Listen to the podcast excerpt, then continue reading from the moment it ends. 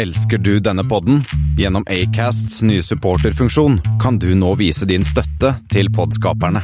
Det er helt opp til deg hvor mye du ønsker å bidra med. Klikk på lenken i podbeskrivelsen for å støtte podkasten.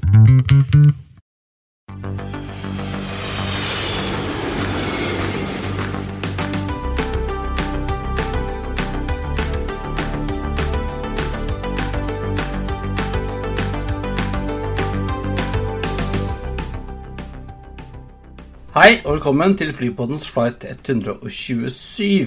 Det er tirsdag 6. oktober, og i hvert vårt hjemmestudio hører du meg, Kristian Kamhaug. Espen Næss. Og Yngve Angvik.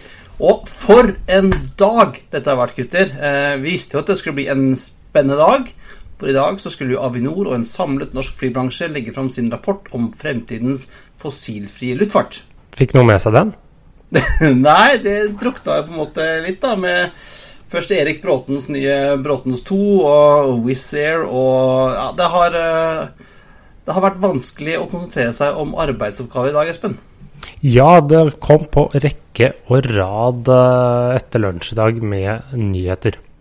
Det kan vi jo si, og det skal vi komme tilbake til. Ja, så Yes. det blir en, en, en, eh, en sending i norsk innenrikstegn. Og jeg trodde jo at du skyldte meg en flaske champagne, Espen. Nei, for du tilbød meg å gjøre et sånt kvitt- eller dobbeltveddemål om en tredje norsk innenriksaktør eh, i årets første episode, og jeg takket nei til det tilbudet.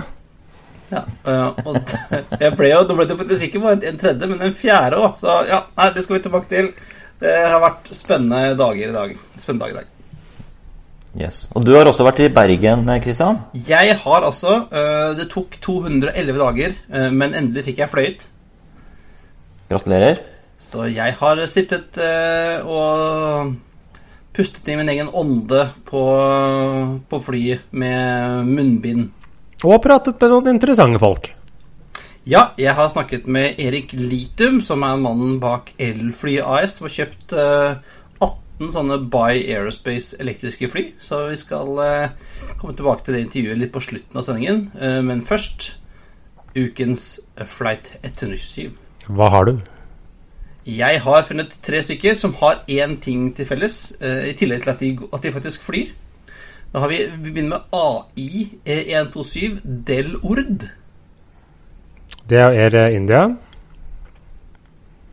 Ja, hvis det er Air India, så må det være eh, Del Delhi, New Delhi. eh, og O'Hare, Chicago. Ja, med en 777. Og så har vi eh, NT127, som går LPA TFN. Da snakker vi i hvert fall Las Palmas og Tenerife Norte, eller hva den heter. Ja. Og så tror jeg ikke det er Binter Canarias. Da tror jeg det er den derre Canarifly. Nei, det er Det er Binter, med NT, Å, ja. Ja, det er en av mitt, et av mitt favorittflyttskap Binter Canarias. Eh, heter vel bare Binter, tror jeg nå, faktisk. Eh, og Hvilken siste, maskin er det? Hvilken maskin er det? en ATR 72 går den med. Ja. Det er ikke min favorittmaskin. si det sånn.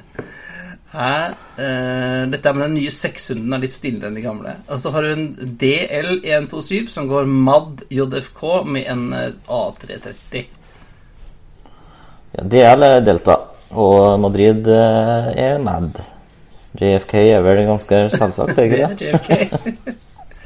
Og Yngve, hva har disse tre til felles? Mm, Jeg ser én ting, og det er hvis på et eller annet tidspunkt her, hvis motorene stopper, så blir det bading i Atlanterhavet. Ja. Det er transatlantisk, faktisk. Bare veldig korte avstander mellom Gran Canaria og Tenerife. ja det er, eh, de flyr over Atlanterhavet. Eh, Air India-flighten går faktisk over norsk luftrom også. Den tror jeg jeg har sett eh, noen ganger. Jeg jobbet hardt for å finne tre 127-flighter som gikk over norsk luftrom. Det var ingen andre enn Air India, dessverre. I dag, i hvert fall. Men skal vi bare gå rett på norsk luftrom, flyplass? Ja, skal vi begynne hvor, hvor, hvor, Hva begynner vi med, Espen? Jo, det som skjedde i dag, var at vi fikk jo noe Det ble plukket opp noen rykter om at eh, Wizz skulle komme med noen norske ruter. Eh, Det som først skjedde, var som ryktene baserte seg på, var at de kanskje skulle satse mer, for de hadde søkt om litt sånn slotts på bl.a. OSL og andre steder til ja, disse vanlige flyplassene sine. Sikkert Gdansk og Krakow og full pakke. Flyplasser med mange, mange setter W-er. Ja. Men så plutselig endret disse slottene seg til Oslo, Bergen, Oslo, Trondheim, Oslo, Tromsø. Og så ble det varslet en pressekonferanse med store nyheter skulle de komme med. Ja, og det ble det. Ja. ja. så det som da skjer, er at da fra 5.11. så begynner da Wizz Air med norsk innenriks. De setter først ett fly på base på OSL. Eh, Er det ikke to? jo, etter hvert. Eh, først ett, for da skal de fly to ganger om dagen til Trondheim, Bergen og én gang om dagen til Tromsø. Og så litt senere, sånn fra midten av desember, så dobles dette. Eller så først går det opp til tre ganger daglig til Trondheim og Bergen og sånt, men så fra midten av desember så skal de fly fire ganger om dagen Oslo-Trondheim og Oslo-Bergen. Og to ganger daglig Oslo-Tromsø, med da to fly, så de utnyttes jo bra. Interessant. Og det blir rimelig, har jeg hørt. Ja, nå, nå er det jo litt sånn Nye ruter er jo alltid mye kampanjepriser, er det ikke det, Christian? Du som er gammel revenue management-fyr. Uh, du må fylle, fylle på i bånn. Og uh, sånn at øh, Du er jo vår uh, WIS-ekspert, uh, Yngve. Stemmer ikke det? Uh, ja, hvis eh, to timer eh, kalles eh, ekspert, eh, så påberoper jeg meg den eh, tittelen. Eh, da jeg fløy fra, fra Brussel til, til Bucuresti. Og det var jo ikke en, eh, en direkte trivelig flytur, eh, spør du meg. Men det kan jo hende at det hadde med passasjerene å gjøre også.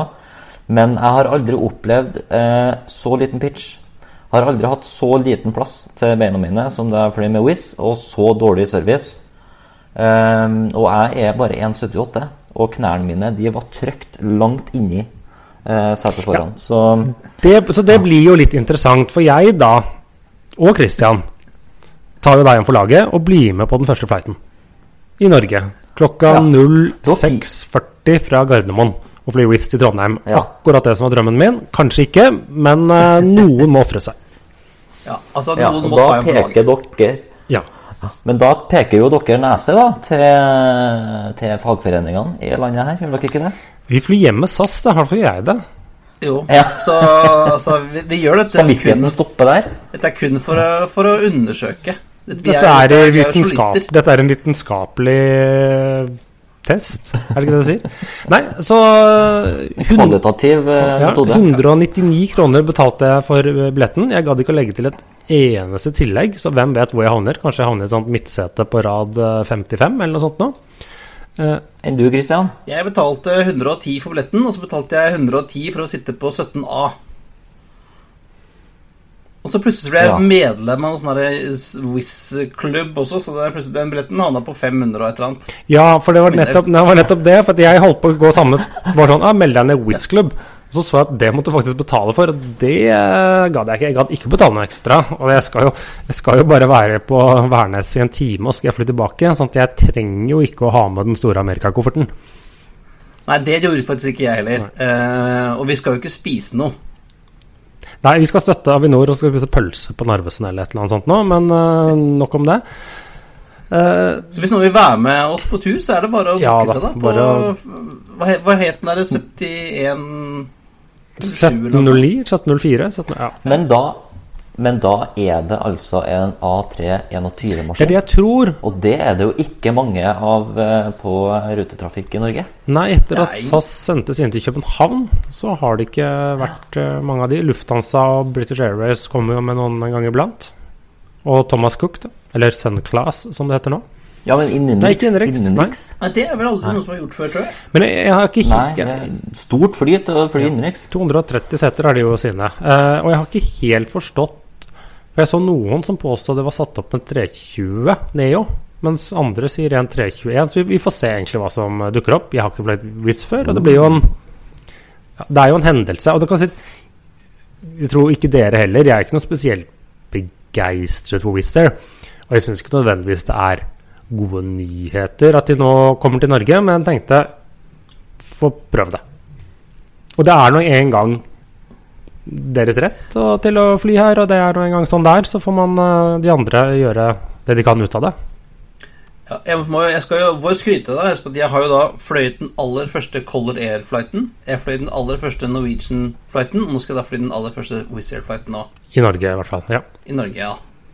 Og så, så kan man jo si sånn rutemessig så var det kanskje en overraskelse, eller kanskje ikke. Trondheim-Bergen er the usual suspect, og da Tromsø er vel kanskje litt større andel potensielle turister enn Bodø.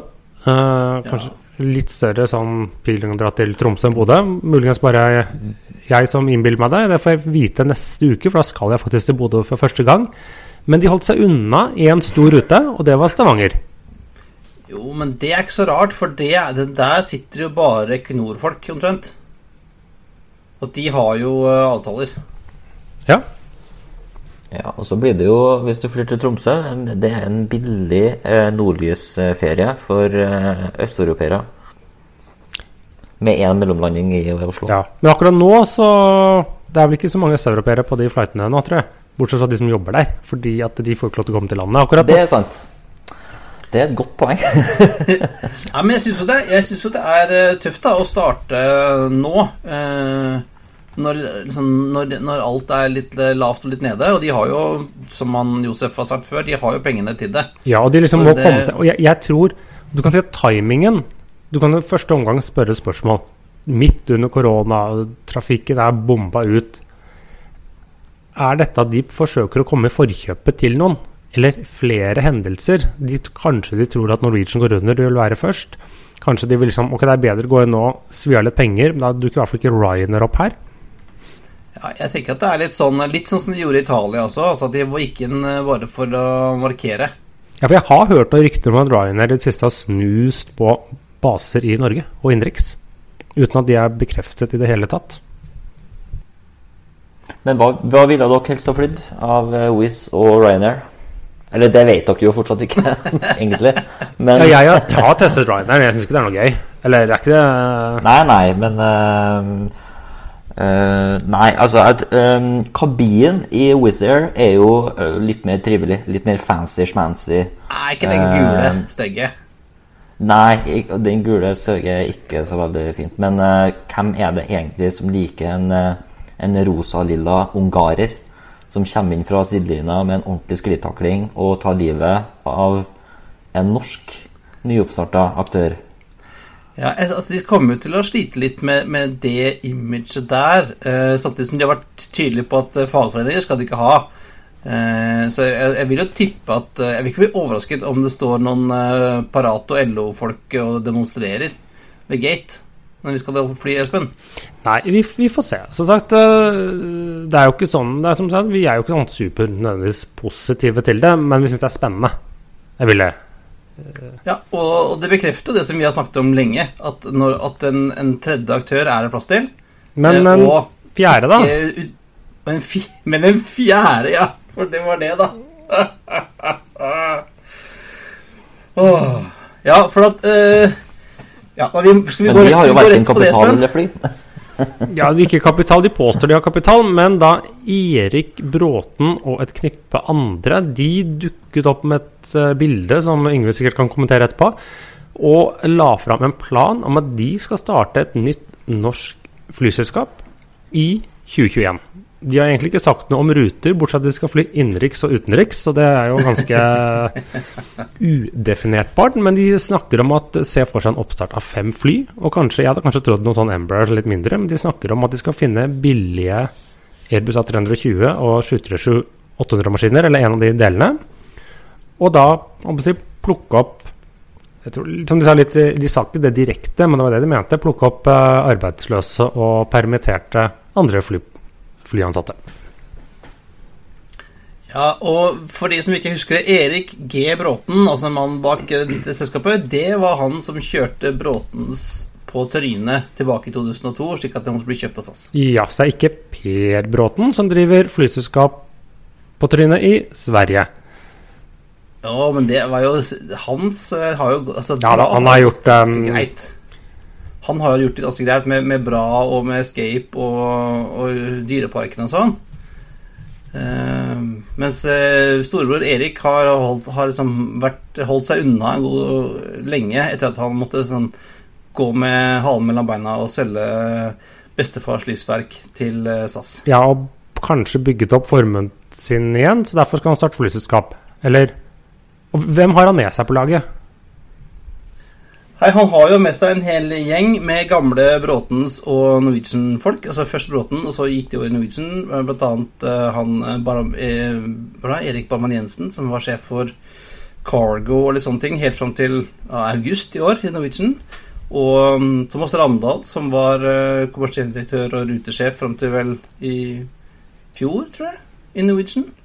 Og et par andre også som uh, ifølge LinkedIn i hvert fall har slutta i Norwegian i juli og august. Ja, og dette bildet fikk jo noen uh, kommentarer i sosiale medier, eller hva, Yngve? Ja, jeg har hørt rykter om at uh, det nye, uh, nye navnet det skal visstnok være Dressmann Airlines.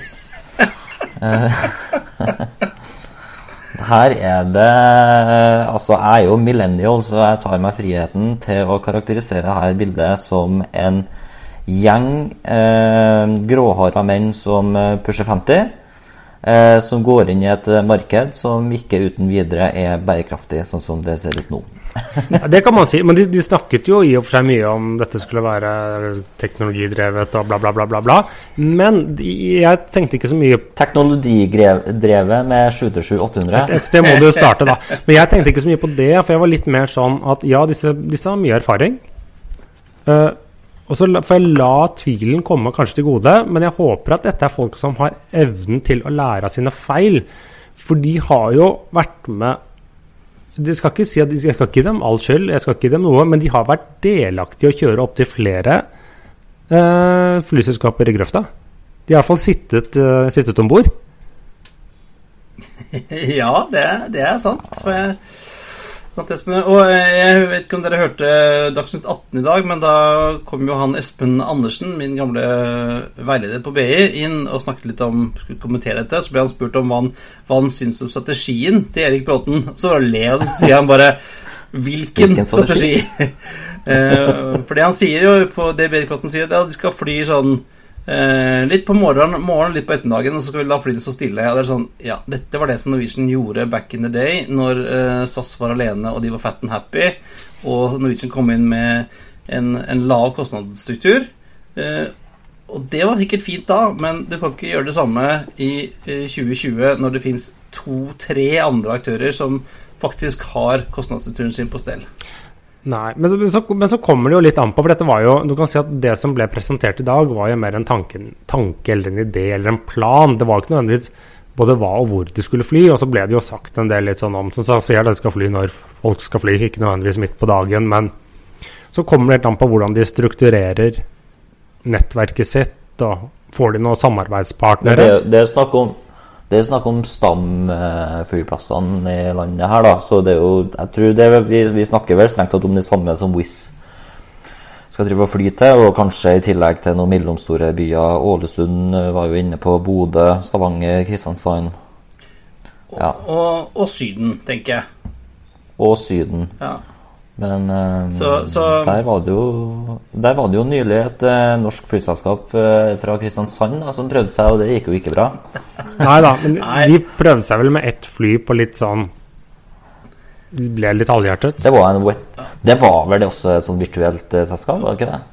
Ja, det, Men det som skal sies da til, til Broddens og, og gjengens ja, fordel, er jo at det er jo ganske bra timing. Vi i, tilbake i episode 100, Espen, eller noe rundt der, så snakket vi jo med han uh, Kai Holmberg, husker du? Ja, 97. Og, det, det, 97. Så det er Feel, Air. Ja, og, uh, og, han snakket jo det om at må, du, skal du starte, så må du finne den perfekte timingen. Når det er billig med billige fly og masse ledige folk på markedet. Og det er jo nå. Og det sa jo Erik Bråten også, er at ja, nå er det så mørkt, så da er det riktig tid. Eh, og ikke minst da, hvis, hvis, i løpet av vinteren eh, en av de to andre aktørene går, eh, går på trynet, i hvert fall, og, be, og, begge to, både SAS og Norwegian, ligger jo da med, med brukket rygg og, og liksom en, en ræva full av gjeld. Mm. Så sånn sett er det ganske bra timing å komme til sommeren 2021. Ja, det blir spennende. Jeg håper jo litt at det lykkes. Men jeg håper også at Norwegian blir overlever. Så spørsmålet er plass til begge, eller om de da forsøker Alle fire. alle fire. Eller om de da forsøker å, å være litt frampå og stå klar til startgropene, eventuelt ta over et rest Norwegian potensielt. Eh, Jeg vet ikke. Jeg, liker jo litt initiativet, men eh, jeg setter ikke sparepengene mine der. Nei, du hadde ikke, du hadde ikke solgt på krita. Men um, det, det som slår meg litt, det er at eh, Bråten sier at de skal da bygge et heldigitalt selskap med lite kompleksitet. Og når jeg, når jeg hører de ordene, så tenker jeg umiddelbart eh, eh, sånn disruptive aktører som alt fra Uber eh, i utlandet til nabobil i Norge, som, som gjør det så latterlig simpelt å fly. Men jeg ser ikke for meg at det laget som satt sammen der, er de folka som klarer å tenke i de baner. Det er indoktrinert i gammel luftfartskultur. Det tror jeg ikke er det som kommer til å i hvert fall endre eh, eh, måten vi bestiller flybilletter på, eller reiser på, eller hva det måtte være. Vi, vi, vi får se. Eh, jeg føler jo at de kanskje har hentet litt eh, inspirasjon fra disse Breeze. Og de, når det selskapet ble annonsert også, så var det jo litt sånn Vi skal starte flyselskap, og vi har noen penger liggende. Det var jo ikke noe mer enn det. Og så kommer det jo gradvis litt grann, eh, mer etter hvert som man nærmer seg start. Hva man har tenkt til, hva man skal fly med, osv. Men har, har de penger liggende? For det var jo også noe som Espen Andersen kommenterte, at de er jo ikke kapitalisert til den graden de burde vært. Jeg følte at det nødvendigvis ikke kom fram til den ene at det er det man kan si verken ja eller nei til. Men jeg, jeg vet ikke. Det han sa direkte, var jo at eh, det bør ikke starte et flyselskap eh, basert på statlig eh, støtte. i hvert fall. Nei, for det var det, det skulle de jo. De skulle ha statlig støtte for å bygge Ja, de et flyselskap. forsøkte seg på det. Den var, den, den var en liten frekkas. Eh, men de var jo også såpass edruelige og sa at det tar minst 24 til 36 måneder, dvs. Til tre år, før de regnet med å tjene penger. Ja, det var vel Så da har du jo en plan å svi av litt først. Jo, men da må du ha penger å Via, da. Jeg har ikke, jeg har ikke sjekka den eh, Kapitals 400 rikeste i dag, men eh, jeg, vet ikke hvor Erik Bråten ligger der. Nei, så spørs det da hvem han får med seg. Ja, hvem skulle, sånn, hvem skulle det vært? Altså, jeg, hadde du spurt meg for et halvt år siden, så hadde jeg sagt Petter Stordalen. Men han Nei, eh, ikke han, men det er, det er folk som sitter og ser at de får null rente i banken og har såpass mye penger der. Nødvendig. Skal jeg være helt ærlig, jeg tror ikke, jeg tror ikke Bertil Stordalen ville ha investert i et, eh, et eh, nytt eh, påstått moderne flyselskap på den måten her, med relativt gamle fly. Det er en for grønn til. Ja, ja sant, sant. Ja, nei, altså, Det blir jo spennende. Vi, eh, det har jo dukket opp en, en nettside i dag. Ja, har de fått seg nettside? Kan man bestille flybilletter, eller? Nei da, det står egentlig bare det samme som ble sagt på Du kan sende en åpen søknad hvis du vil jobbe. Eh, Så det som var, det som var Jeg tror ikke jeg har lagt inn en så god søknad akkurat Eh, nå. Nei, så Hvis man vil eh, vite litt mer, så kan dere gå inn på nyttflyselskap.no. Et, et domene som eies av han godeste Tord Meling, som eh, har vært sånn investeringsdirektør i Ojada, som er dette selskap, investeringsselskapet til Erik Bråten. Eh, Så den eh, sida ble registrert 26.9. i år. Men det blir uansett spennende å se eh, om det si, konkretiserer seg. For foreløpig så var det jo veldig mye et konsept. Men eh, skal vi, skal vi konkludere oss eh, tre imellom? Hvem ville ha kjøpt aksjer i det flyselskapet, eller betta på det? Espen? Nei, jeg er jo dritkonservativ, så jeg, jeg hadde jo ikke gjort, tør ikke gjøre det heller. Så det Nei, jeg hadde, jeg hadde et, eh, blitt med, blitt med altså, men ikke, ikke med mange hundrelappene. Men vi, vi er med på første flytur. Ja, jeg er du gæren når, når, når det hele lanseres, så skal vi rett inn og booke. Er du gæren? Hvis du er klar, vi.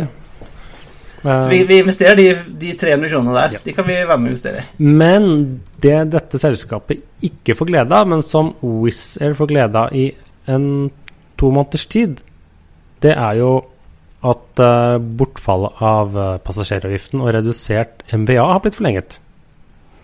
Ja. Jaså?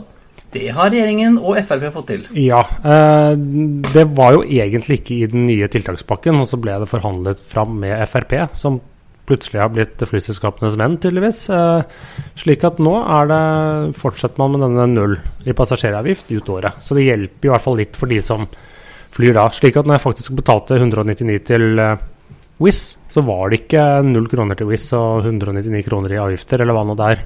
Det var faktisk sånn en del av det går til flyselskapet. Det, er, det får man nyte så lenge man kan. Og Det betyr jo også da eh, at eh, det er ganske billig å ta ut bonusbilletter om dagen. Ja, så det er det for at Ja, du betaler noen avgifter, da. Jeg tror bl.a. flyselskapene sitter igjen med lite grann. De akkurat tar Ja, en liten betalte- kutt og later som ingenting. Ja, for jeg betalte for oss fire til Bergen 850 kroner tur-retur. Ja, Hvilke avgifter er det? det eller det er drivstoffavgifter? da? Nei, men de har jo ikke fly, de har ikke det på sine egne En terminalavgift, eller? Ja, hvem, hvem vet? Men uh, Yngve, kan det bli andre avgifter i luftfart? Eller toll? Toll, ja. Ja, eller jeg vet ikke om eh, Det er i hvert fall ikke direkte avgifter. men eh, man merker det kanskje som forbruker. Men der er det jo spørsmål om det er potensielt eh, europeisk straffetoll på Boeing-fly, nå som EU har vunnet det siste slaget i WTO om ulovlige subsidier. Og svaret er vel tja. Ja, Det er i hvert fall ikke Eh, kjent ennå. ja. Nei. Altså, det må jo Det må jo um, Altså, WTO må jo Det er vel snakk om at de skal godkjenne at, at EU uh, kan uh, iverksette de, de tiltakene. Men, Men de er et steg nærmere, er ikke det? kommer, jeg jeg forsto det. For det som, det som skjedde i fjor, eh, for de som husker det, var jo at ja. Boeing og Airbus har jo på å si, saksøkt hverandre for eh, Eller USA og EU for ulovlige subsidier. Så først vant jo Boeing og amerikanerne en sak, sånn at de påla er det 10 straffe på toll på alle Airbus-fly som selges til USA, som er lagd i Europa. Og så forsøker jo da Så er Airbus i ferd med å vinne en liksak på da Boeing-fly. Eller, men om det bare blir Ja. straffetoll på Det kan godt være at det blir straffetoll på spareribs eller grillsaus, men at de iallfall kan legge til straff. Ja, ja, og, og, og, og luftfarten er jo egentlig bare en del av den suppa. Men uh, det her er jo noe som har foregått i 16 år. Jeg tror det starta vel i, i 2004 eller sånt, da USA gikk til WTO, altså Verdens handelsorganisasjon, om at Airbus hadde mottatt uh, mange mange milliarder dollar i ulovlige subsidier. Og EU på sin side hevder at eh, Boeing fikk milliarder av dollar i handelsforvrengende subsidier eh, fra den amerikanske staten. Så, og i 2014 så gikk EU til sak mot USA i WTO for ulovlig og andre subsidier i forbindelse med produksjon av eh, 777X. Og etter det så har det bare eskalert. Så det er jo Jeg tror i fjor så var det vel at eh, EU fikk eh, Nei, USA eh, fikk lov til å innhente da opptil 7,5 milliarder dollar i straffetoll eh, på diverse europeiske varer, deriblant fly. Og så kommer de fire milliardene her nå, eh, som er da straffetoll på eh, amerikanske varer. Eh, kommer på toppen av det hele. Ehm, ja. Men altså, det kan jo hende at vi ser slutten på det her, da. Eh, hvis Biden f.eks. blir president. For sentrale kilder rundt han sier at eh, Biden vil gjøre slutt på Ja, for de ønsker en avtale som alle kan leve med. De ønsker en avtale. For mens Trump da neglisjerer WTO, så ønsker Biden å det han kaller revitalisere WTO. Og det er jo det det betyr, da. At, at Biden kan gjøre slutt på handelskrigen, og helt spesifikt. Og så forhandle en slutt på striden mellom Airbus og Boeing. Men i disse dager, får vi hoppe til noe helt annet, Christian. Stort sett så er jo alle trafikktall vi ser nå, bånn i bøtta, og, men ikke overalt. Nei, for at ah, det, så fly, Trafikktallene er jo ned overalt. Det var ned sånn 40-50-60 i norsk innenriks og sånn. Mens russisk innenriks i eh, august var da opp 8% mot 2019. Hva skjer? Nei, altså det, Noe av årsaken her kan være at russerne, som vanligvis da hadde feriert i utlandet i august, har nå reist eh, innenriks istedenfor. Til Krim og til Sotsji og alle disse fine stedene man kan feriere i Russland. Ja, for de kjører mye sånne rabatter og sånt der innenriks og sånn statlige Ja, er subsidier og sånn alt mulig rart. 40 rabatt eh, for å stimulere trafikk, og det ser ut til å ha fungert, da. Ja, men så leste jeg, for det var innenriks, og så var det trafikk til Tyrkia som var sånn veldig bra. Fordi Ja, russerne fikk lov til å er Tyrkia. ja, så eh, Et eller annet skjer i Russland, altså. Men så må vi jo en liten tur til eh, Australia, for der det, Der var det jo litt spennende, for de skulle få, de skal få, kanskje få sin tredje nye aktør på innenriks. Selv om det blir drukta jo litt med det norske. Vi har jo fire her oppe, Ja, holder på så- å fire. Nei, vi har jo så vidt vært inne på det tidligere. Det er et selskap i USA som heter Rex Unnskyld, Australia. Rex, eller Regional Express. De flyr sånne eh, fine, gamle sabber, sånn som Leap gjør. 340. Mhm, Saab 340. Men eh, de begynte litt sånn tidligere å sånn, være litt under markedet for å skaffe litt mer penger. For de snakket om at ja, nå sliter jo Kantas, nå sliter jo Virgin Australia som nettopp gått gjennom en konkursbehandling. så de eh, har nå tegnet leasingkontrakt på seks 737-800-maskiner. Som faktisk kom fra kall det si, konkursboet til Virgin Australia. Ja, så det er som bare kline Beholde flagget, svenske flagget på, og bare kline på det andre Ja. Hvordan skal si at vet jeg ikke, men de sa at liksom Nei, vi gjør ikke noe med interiøret, bare beholder det. Så det blir liksom business class foran og vanlig economy bak. Uh, men de skal da starte i mars 2021 på den da viktige og veldig trafikkerte Sydney-Melbourne-ruten. Som jo er en av verdens mest trafikkerte ruter. Eh, og Planen er vel å kjøre ti fly eh, i løpet av eh, 2021, så dobbelte av eh, Bråtens to, da. Ja, og så vurderer de en base i Melbourne, og så liksom til de viktigste kall det si, australske byene etter hvert. Så det blir spennende. De har jo, Med sitt lille sånn regionalselskap så har de jo litt sin egen feed. ja, det er jo fint. Eh, og har jo, de har holdt på lenge òg. Ja, det er ikke noe nytt, så det er liksom mer sånn at nå har vi holdt på med dette lenge år, skal vi bare prøve å se noe som ble kanskje en ledig plass. Selv om det er jo ganske ofte at nummer to og nummer tre, spesielt i Australia, har jo en egen historie for å gå konkurs. Ja, vi får se da om, eh, hvordan dette går. Om det blir eh, suksess for Rex og, og en skvis på Virgin Australia. Og andre, et annet selskap som har holdt på lenge i, i innenriks, og nå, skal, nå som tar steget videre, er SpiceJet. Krydderjet. I India. Krydderjettene i- fra India, Spice Girls sitt eget flyselskap i India, har fløyet mye innenriks lenge med 737-800 og sånn forskjellig. Øh, Men nå 4.12. skal de da begynne å fly tre ganger i uken til London Heathrow med A330 Neo. Det er litt interessant, for de har jo ikke 330 Neo eller 900 da, i flåten nå. Og de har heller ikke Nei, det i og- bestilling, så det er ingen som helt vet hvor det flyet skal komme fra. Nei, også, for jeg har ikke klart å finne ut noe sted hvor det kommer fra. Det er ingen som veit. Så ja, det blir spennende å se hvor den kommer fra. Det blir to ganger i uken eh, fra Delhi til London Heathrow. Og så blir det én gang fra Mumbai. Eh, og dette og, og det er liksom litt spesielt eh, nå India er jo egentlig stengt. Eh, Men de har noe som kalles for air bubble, eh, air transport bubbles air, or air travel arrangements. Som er sånne midlertidige avtaler som de har eh, med andre land. Som gjør at man kan fly med, til og fra India under visse forutsetninger.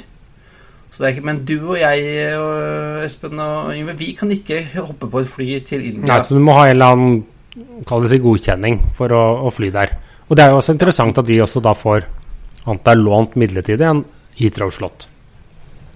Ja, for det, Men- de er jo ikke eh, det, Ja, det er flust av dem om dagen, da, kan du si. Ja, men nå, på selskapene de har jo gått ut nå og sagt at selv om du ikke flyr nå i vinter, så mister man ikke slåtten sin pga. covid. Det er gitt liksom Nei. unntak fra denne regelen om at du må minimum bruke 80% av slåtten. Ja, og Men, men, eh, men eh, det er et spørsmål. SpiceJet, var ikke det snakk om at de skal også fly til Amsterdam? Med en sånn wetlease-fly eh, i sommer eller noe? Eller tar jeg helt feil da? vet jeg ikke. Jeg vet i hvert fall at de er ganske store operatører av Q400 borti India der. Ja. Ja, da, Ja, men det det var også snakk om at. Indigo skulle begynne å fly med skyterskytt til London, husker jeg? Ja, det var heller, ble det heller aldri noe av. Så det. Eh, men de har altså planer nå eh, om å fly enda mer eh, longhold utenriks eh, fra India. Har planer om å lansere ruter snart, sier til USA, Australia og Canada. Og det blir godt for trangt på SpiceJet også. De, ifølge Flight Global så skal 339-ene ha 361 seter, 18 i business og 353 i economy. Til sammenligning så hadde SAS sine 330 hadde vel 340 seter, tror jeg. hadde ikke ikke? SAS sine, Totalt. SAS sine 330-er, Ja. de er 260. Nei, 260, ja, det stemmer. Ja, Så det er godt, godt, godt og trangt på Sparset også. Ja, men eh, over til noe trangt. Det er kanskje noe som kanskje blir enda litt trangere, eller? Eller i hvert fall bitte lite. Det er vel en, en, en, eh, ny eh, 19-seter under utvikling. For det, det, det trengte vi nå. Ja, det var akkurat det vi trengte. Men noe må jo gjøre disse portugiserne og brasilianerne. Eh, portugisiske Seia, det er vel egentlig en sånn type eh, eh, Silicon Valley slash eh, Seattle-område i Portugal. Det er i hvert fall sånn businessområde. Og brasilianske Desaer. Ja. Desaer Ik ikke Embraer, men Desaer skal liksom bygge fly. Desaer. De skal sammen utvikle en 19-seter som har fått eh, navnet ATL, som står for Aeronave di Transporte Leve. Altså lett transportfly. Ok. Var det portugisisk, eller var det spansk? Det må vel Det være portugisisk. Det er jo bare portugisisk, ja. Ja, det er bare portugisisk. Også, men eh, det blir da en turbopropp, eh, høytvinga nyttefly med fast eh, landingsunderstell. MTO M2 opp til 8,6 tonn. Kan bli sertifisert for 19 passasjerer eller 3 LD3-containere. Kan fungere på korte rullebaner, både med grus og fast dekke. Kan tilbys for luftfarts, øh, ja, luftambulanse, nødevakuering, fallskjermjeger eller øh, patrulje, overvåking, etterretning og rekognosering. En skikkelig multipurpose. Dette er det samme liten SUV, egentlig, dette her. Ja, det er jo en uh, Twin Otter, da. Ja. Twin Otter eller denne liksom, ligner jo også ganske likt på denne nye Cessna Sky Courier som FedEx har bestilt veldig mange av. Ja, den er jo kliss lik. Eh, Og hvilke andre altså Det er ganske mange fly i denne kategorien som er i produksjon, bare, Espen. Ja, du har sagt Twin Otter, Cessna Sky Courier Dornier er vel ikke i produksjon Dornier. lenger, men den ligner jo litt. Jo, du får kjøpt den. Gjør det, og du har den der lett 410 PZM M28, så har du en Sikorski Det er noe borte i Indonesia som holder på med noe, så tja. Det er ganske, det er ganske mange i det markedet. Ja, jeg vet ikke helt om jeg har lyst på sånt fly, men vet, vet du hvordan fly jeg har lyst på? Nei. En, Jo, det vet jeg egentlig. Ja, det vet jeg. En Airbus ACJ 220, som den heter. Det er Airbus og har lansert sin VIP-versjon av Airbus A220-100. Som er eh, Jeg setter bilder, ser romslig og fin ut. Det kan fly fra London til Los Angeles, for den er jo færre seter og har litt ekstra tanker sammenlignet med den standard A220-en. Så jeg tar gjerne en sånn. Ja, det, men blir den, en, blir den litt større enn en Global Express eller noe sånt, eller? Ja, den blir jo mellom en sånn Global Express' størrelse og en Airbus A319 Neo. Ja, men jeg, jeg kunne hatt en sånn, jeg òg. Ja. Så skulle jeg kjøpt litt sånne kvoter. Kvoter, ja. Så kunne jeg ha fløyet grønt rundt omkring. Er det kanskje et fly for uh, Bråtens? Nei, men med dagens uh, passasjertall så hadde den blitt helt stappa, den der. Ja, ja, absolutt. fløyet på 100 kamiføtter. Ja, Uh, Yes. Men men, og nå er det lenge siden vi har vært i konkursjøen, Espen. Skal vi ta oss en tur? Vi tar oss en liten tur.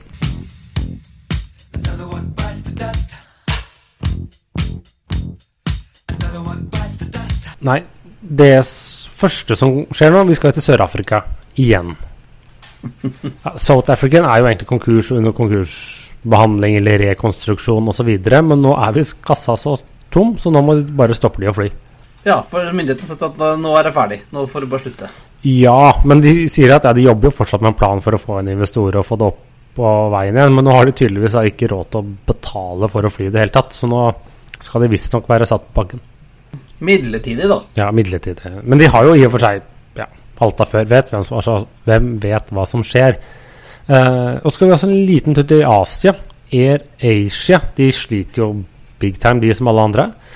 Uh, så en ting da, for å begynne å Da legger de litt ned litt sånne i hvert fall ulønnsomme ting. Så de hadde hatt et lite flyselskap i Japan, Air Asia i Japan, eh, som da legges ned. Det var snakk om de hadde tre A320-maskiner med base i Nagoya. Og det er forresten andre gang det flyselskapet legges ned, eh, Air Asia i Japan. Eh, det skjedde etter at de hadde et sånt samarbeid med ANA for en fem, seks, sju, åtte år siden, som havarerte. Så da ble også flyselskapet lagt ned. Så startet det opp igjen, men nå gir de opp igjen. Ja, men da Third time's the charm. Da. Ja, jeg vet ikke. Jeg tror uh, kanskje det gir litt opp Japan. Man liksom etter x antall år klarte å få tre fly i et så stort marked som uh, Japan. Så det var det. Men eh, var det ikke bærekraftig, da? Nei, men det tar jo oss glimrende over til eh, neste tema. For du da har vært ute og snakket med Erik Litium. For han har handlet fly. Ja, øhm, jeg var i Bergen og du fortalte det på poden, så da fikk jeg en mail fra Erik Litium, som burde hett Erik Litium, for han jobber med elektriske fly, eh, som eh, spurte om ikke jeg ville ta en kaffe med han da, på en morgen i Bergen eh, og snakke litt om elektriske fly. Så det har vi gjort. Skal vi høre? Ja, jeg bare, bare sånn før vi begynner, så advarer jeg om at jeg, vi er på kafé. Eh, og denne mikrofonen vi har med, er veldig, veldig god, så den har plukket opp eh, litt bakgrunnsstøy også. Men eh, du får late som du er på kafé, ta deg en kaffe, en bolle, og heng med.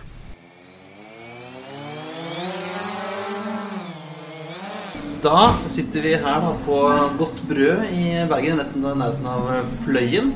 Og jeg har endelig nå fått uh, satt meg ned med Erik Litum, som er sjef for Elfly AS. Ja. Hei.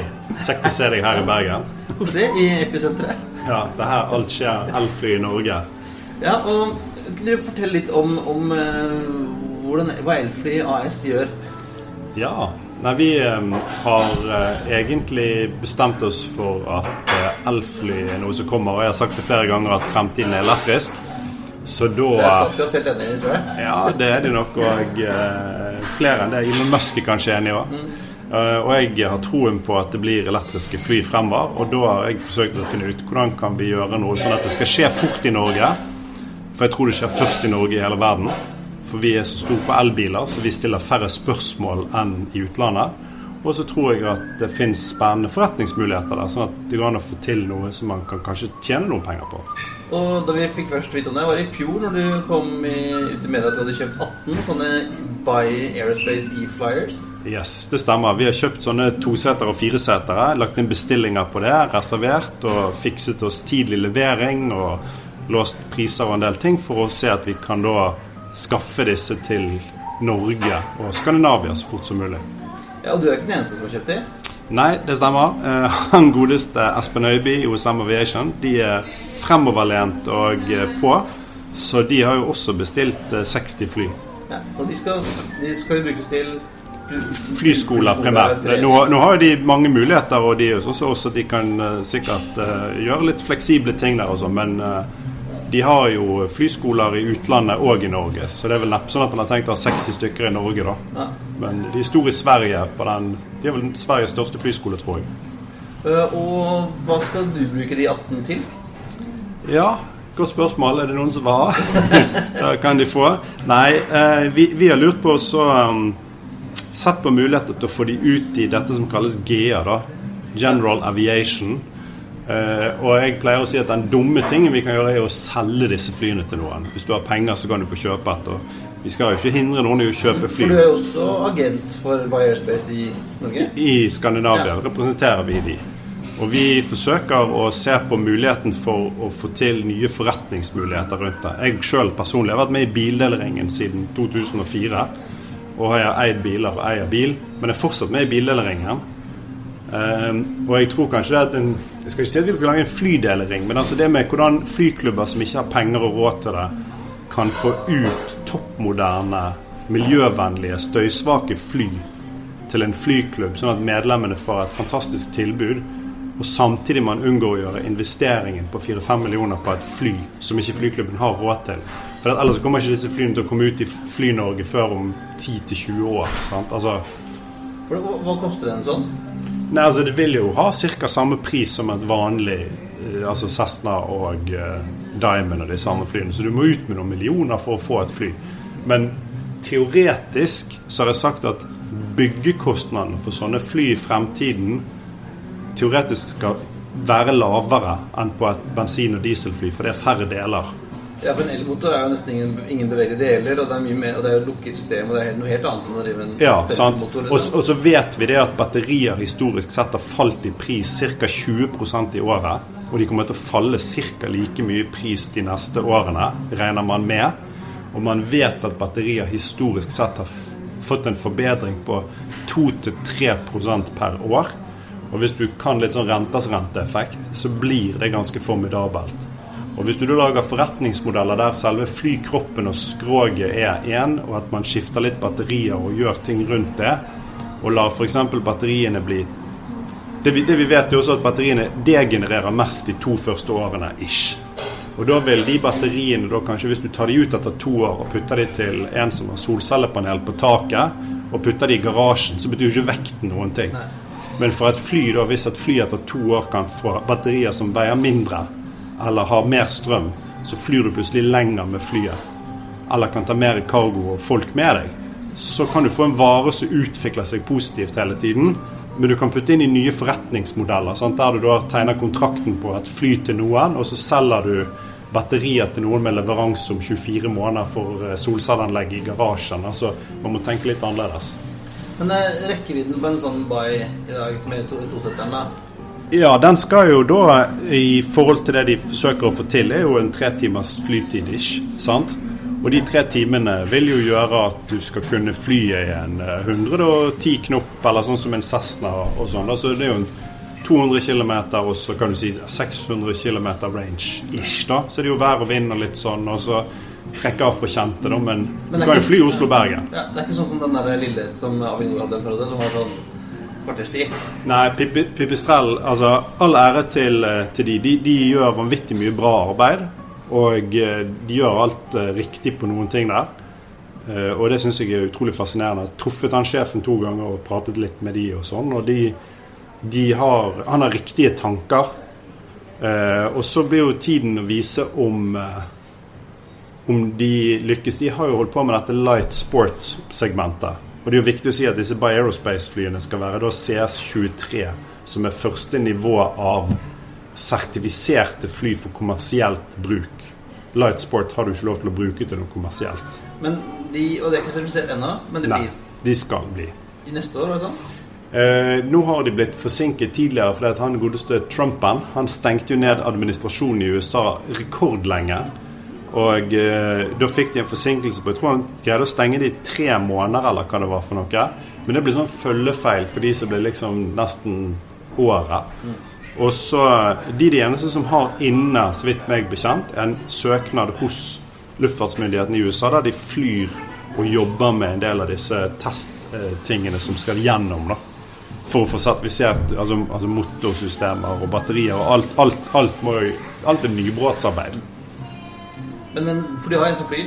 De har en som flyr, men det er ikke det som kalles en conforming model. Det er en testmodell. Eh, Men eh, de har et roadmap som sier at flyene skal nok være tilgjengelig. Her jeg sier at har vi litt flaks, så skal du ha sannsynligvis tilgjengelig et fly. Kanskje ikke det er sertifisert, da, men i Norge i 2022. Ja. Men iallfall i 2023.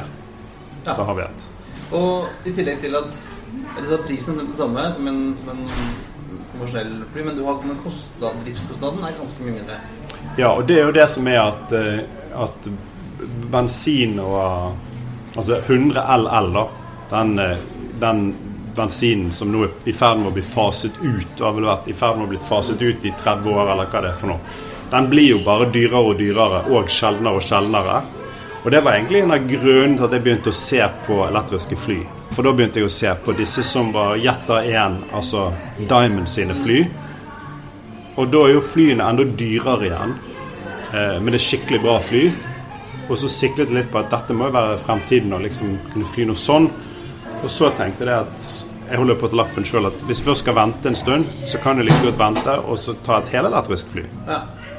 For da er du både altså, mye, mye billig drift, og du er helt utstyrsfri. Ja, sant? da er det jo med norsk strøm så er det i utgangspunktet vann som eh, vi flyr på. Og så er det jo det at du har ingen bevegelige deler. Det er én motor. Eh, og strøm har vi i Norge på flyplassene, så det er bare å lade. Så det er ikke noe spesielt eh, De første flyene må også sies at det er jo, det er jo litt som en elbil. Altså de, de, det er ikke sånn at de har gigantbatterier. Det er jo tilsvarende en, eh, en Tesla eller sånn sant, i, i fly.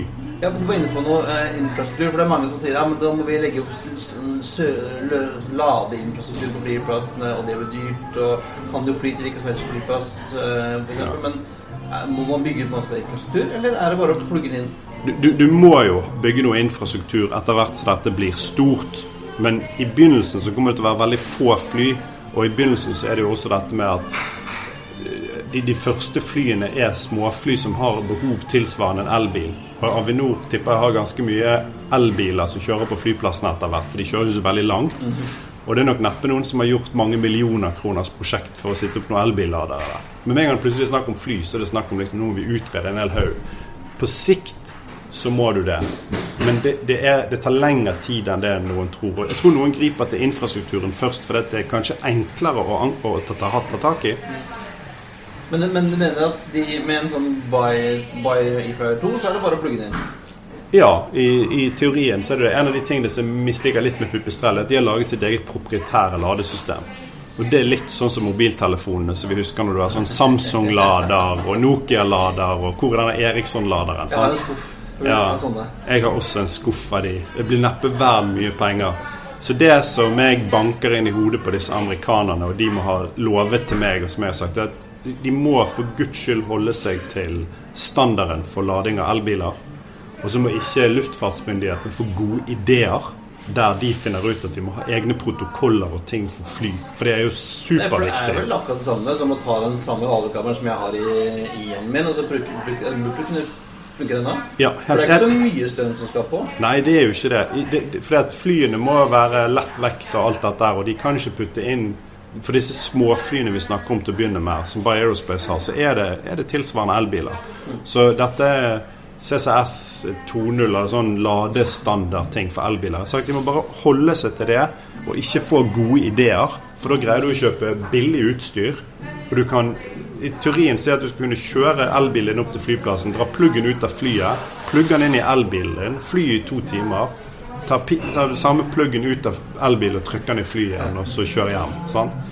Og, og da blir det billig. Og flybransjen, altså produsentene, må ikke rote seg inn i noe der de skal lage noe proprietært og sært. Det er for det er ikke sånn du skal lade en, en, en ferje på Østlandet med 6 megawatt, liksom. Det er noe helt annet. Ja, for den har jo, den, en, en sånn ferge har jo tonn på tonn med batterier. Sant? Og her snakker vi om, om, om, om kiloer, og vi, vi kanskje vi kommer opp i et tonn med batterier på de første. Sant? Men altså, det er likevel ikke det, det behovet der. Det må sies at sånn som israelerne som har dette Eviation Alice, de ville kjøre doble ladesystem.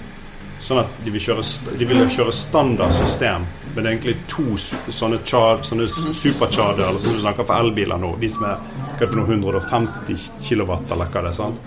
Og det å doble de opp, pluss at det kommer en standard for el-lastebiler og busser, som er enda kraftigere. Og da bør flybransjen se på den type tech istedenfor å lage sin egen tech. Det hadde jo vært smart om man klarte å standardisere seg rundt visse Ja. ting. da. Og, og, og vi snakker om denne tosetteren.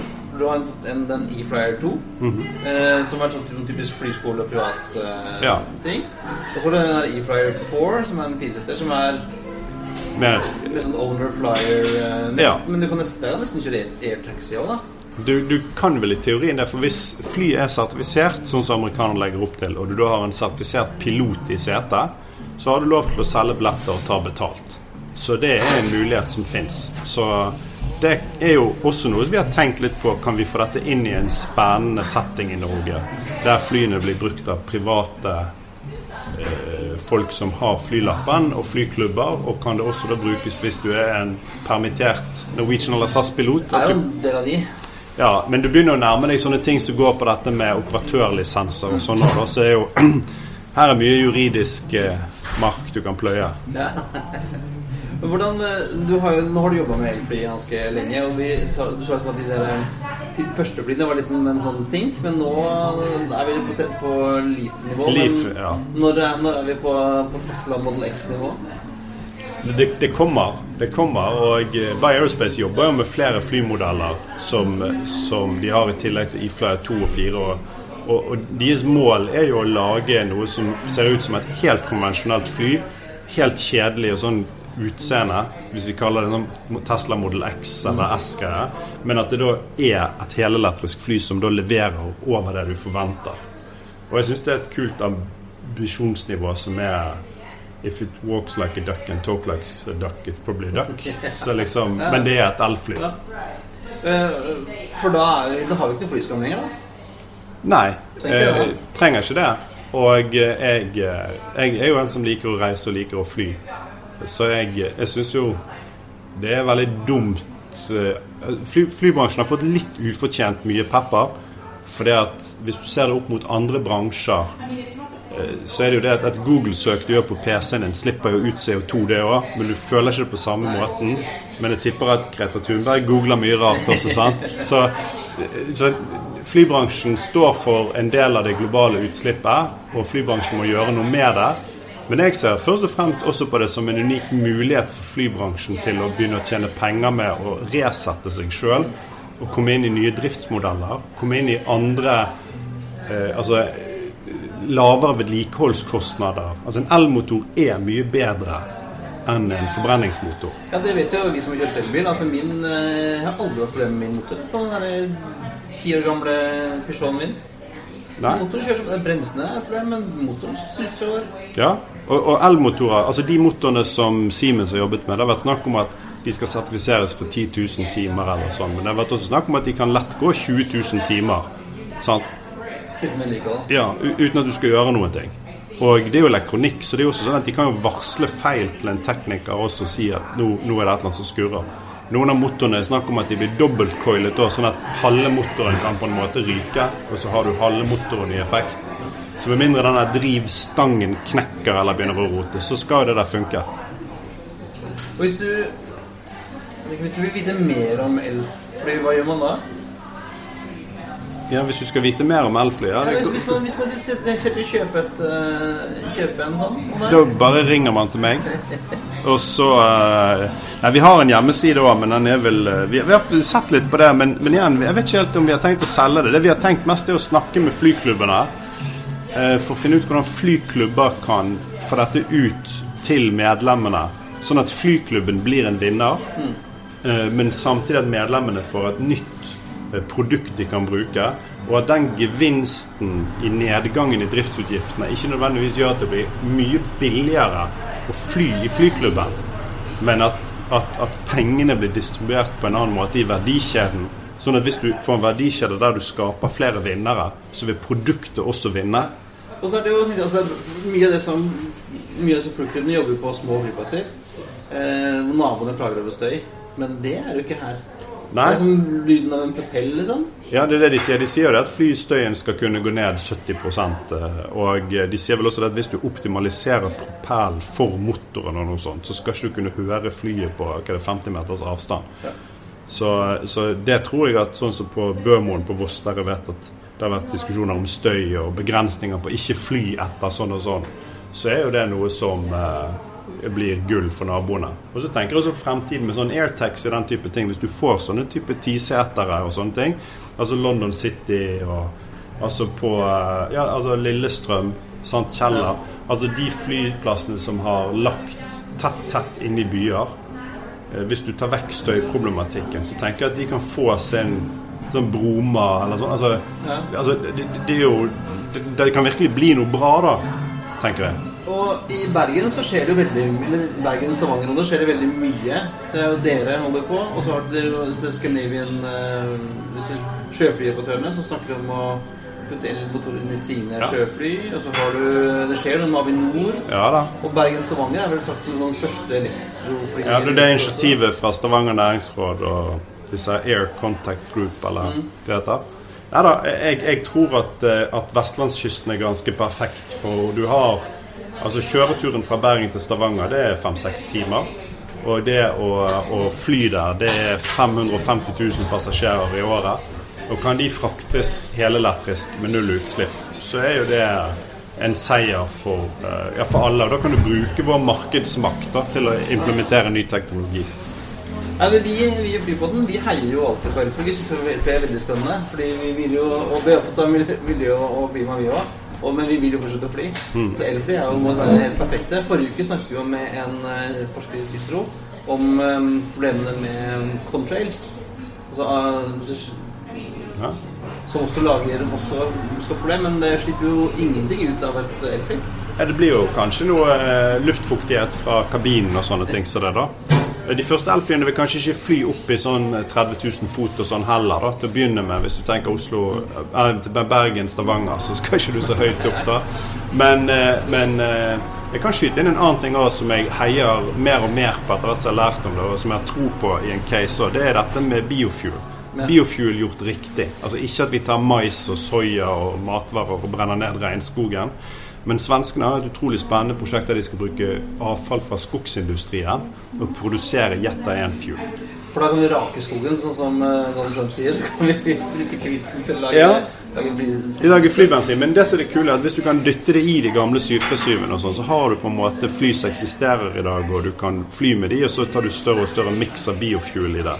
Hvis du har da bærekraftig, etisk, eh, riktig biofuel, så kanskje blir det litt dyrere å fly, men da kan du jo fly med de maskinene.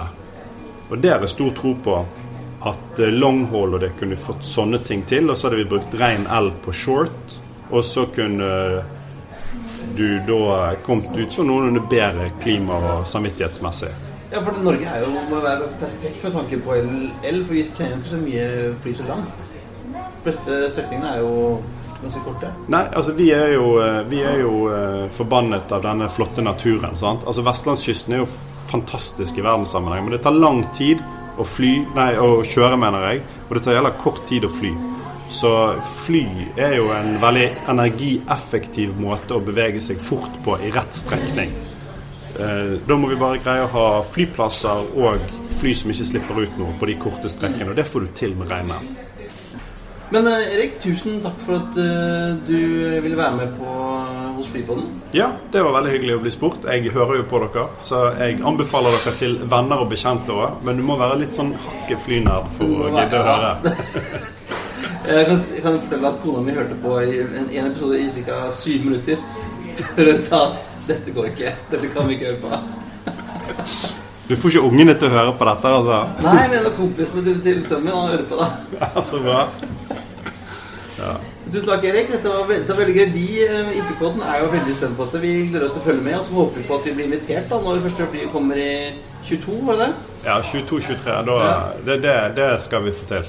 Da tar vi oss en tur. Ja, da må vi fly. Da flyr jeg. Da har jeg lappen. Yes. Herlig. Tusen takk. Så. Ja,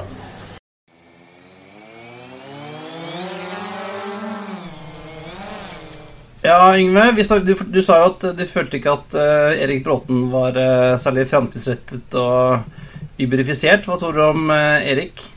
Jo, eh, da snakker vi om noe litt annet. eh, veldig, veldig kult det han prater om, altså. Og, og en del viktige poenger som kom fram da, var liksom at det er faktisk viktig å tjene penger på det man gjør. Skal man liksom drive en business. Eh, og så jeg skal innrømme, jeg kan jo ikke så mye om GA eller General Aviation, for dette er det de i første omgang satser mot. Men det var liksom interessant at vi må ikke finne opp Vi skal være dis- disruptive, men man trenger nødvendigvis ikke finne opp hjulet på nytt. Liksom, ja, Hvis du kan lade elbilen der, så kan du jo lade det lille elflyet ditt der. Og kanskje ikke kjøpe flyet, så kan du drive med en slags form for leasing eller finansiering, slik at man liksom Mm. tenker litt nytt på den måten, da, uten at man nødvendigvis trenger å gjøre Eller noen må gjøre noen veldig store investeringer, noe som helst. Jeg snakka om eh, nabobil. Da kan vi lage nabofly, da. Ja, altså, jeg tror han tenker litt i den, i den retningen der, da. At hvis du har lappen eh, og er sjekka på den, så kan du bare låne, leie et sånt for noen timer, og så ut og fly. Eh, Og driftskostnadene er er jo helt minimale. Det er som en femtedel av hva det koster å drive en, et annet, et vanlig sånn stempelmotorfly. Da. Nei, det... Ja, nei, men da må vi ta, da må vi ta mikroflylappen, da. Nei, jeg tror ikke, jeg tror ikke det er mikrofly. Nei, det er ikke mikrofly. Det skal være sånne GA, så du må ha sånn ordentlig flylapp. eh, Og de skal jo kunne, som man er inne på, det er, det er ikke sånn eksperimentfly heller. Det skal jo være et, det er en ordentlig sak. Ja, Det er en ordentlig sak. eh, men jeg synes det var interessant det han sa om Jeg trodde jo at du måtte ha egne sånn ladegreier og sånn, for jeg har jo snakket med noen av de jeg jobber sammen med, som driver og utvikler eh, sånne ladepunkter for ferjer. Og de skal jo ha 6 gigawatt eller noe Ja, og megawatt. men det er liksom hvis du skal ha et stort passasjerfly. Men han, han er jo, som han er inne på, at man må jo kunne bruke det samme som du lader Leafen din med. Ja, eh, og det trenger ikke mer juice enn det. Liksom. det jeg trodde det måtte ha mye mer, men eh, dette er jo veldig smart. Du kan jo nesten da som jeg forstod, da, Du kan jo egentlig nesten bare plugge det inn i en vanlig, sånn som jeg plugger inn bilen min i. Ja, det var, mm. det var målet. Ja, Dette, det, det, Dette er superspennende. Vi, jeg regner med at vi hører mer fra Erik eh, Littum eh, utover. Eh, Han har mange jern i ilden, han.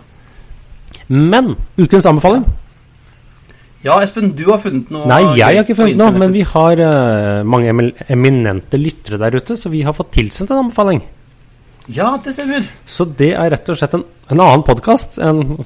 Jeg vet ikke om han ikke var fornøyd med så han anbefaler en annen podkast like. men eh, ja, det er en podkast som heter Globus Rulett. Som er da med globetrotter Gunnar Garfors og reiselivsjournalist Torkil Gundersen. De snakker Det er, om det, er Gunnar, det er han som har vært i alle land i verden. da. Ja, noe sånt noe. Så de snakker om alle verdens land, og, og de har noen spesielle reisetemaer. Så i da siste podkast, som var deres 48. 8., så snakker de bl.a. om spesielle flyplasser. Og man får høre om tillegg til eh, favorittflyplassene til kanskje han som er verdens, nei, Norges mest bereiste mann. Eh, Så er man også inne om byer hvor man kan gå til flyplassen. Set Som i Bodø. Bodø, f.eks. Setninger laget av flyplasskoder og mye annet. Så anbefaler, den eh, kan anbefales. Ja, jeg skal gå tur med bikkja etterpå. Da skal jeg laste ned Globus Rulett. Eh, og apropos flyplasser du kan gå til, så eh, skal vi på tur i helgen, gutter. Vi skal og fly. Ja. Munnbindet er det ladet og gleder jeg klart. meg veldig til. Hva skal vi, hva skal vi ut på tur, Kristian? Vi skal, vi skal jo En ting er jo vi skal ut og fly, men vi skal jo faktisk gjøre noe fornuftig denne gangen. Det er ikke bare sånn den turen vår til eh, Trondheim i, i eh, november, Espen. Vi har jo fått litt avtale med, med fint folk i flybyen Bodø. Ja, vi, vi kommer jo litt tilbake til det, men det blir nok eh, flere episoder nå med enkelte godbiter. Det blir, vi skal jo innom Flymuseet, vi skal innom eh, Luftfartstilsynet, og vi skal innom Widerøe. Så det blir eh, mye stas. Og så skal vi jo neste uke det må vi jo si, vi må ta den, gå tilbake til den rapporten om fossilfri luftfart da, som, som på en måte forsvant i mengden i dag. Vi får lese oss opp på den. Ja, Vi skal jo sitte med munnbindet vårt på halvannen time oppe til Bodø. Det høres bra ut. Eh, Da sier jeg bare på gjenhør fra Bodø. Vi takker for oss. Eh, eh, Det er på tide å feste sikkerhetsbeltene. Noen av dere har sikkert sittet med sikkerhetsbelter gjennom hele flyturen her. Det har vært turbulent, for å si det mildt. Vi retter opp setet, sikrer fri, fri sikt ut av vinduet, og ettersom flight 127 går inn for landing. Som eh, vanlig finner du lenker til det vi har snakka om i dag på flypodden.no. Du finner oss også på facebook.com slash flypodden, på Twitter at flypodden og Instagram at flypodden. Har du spørsmål, vil du invitere oss på flytur eller sponse oss, så er det bare å sende en mail på hallo at flypodden.no. Ha det bra. Bra. We thank you for flying with us today. We truly appreciate your business and look forward to serving you on a future flight.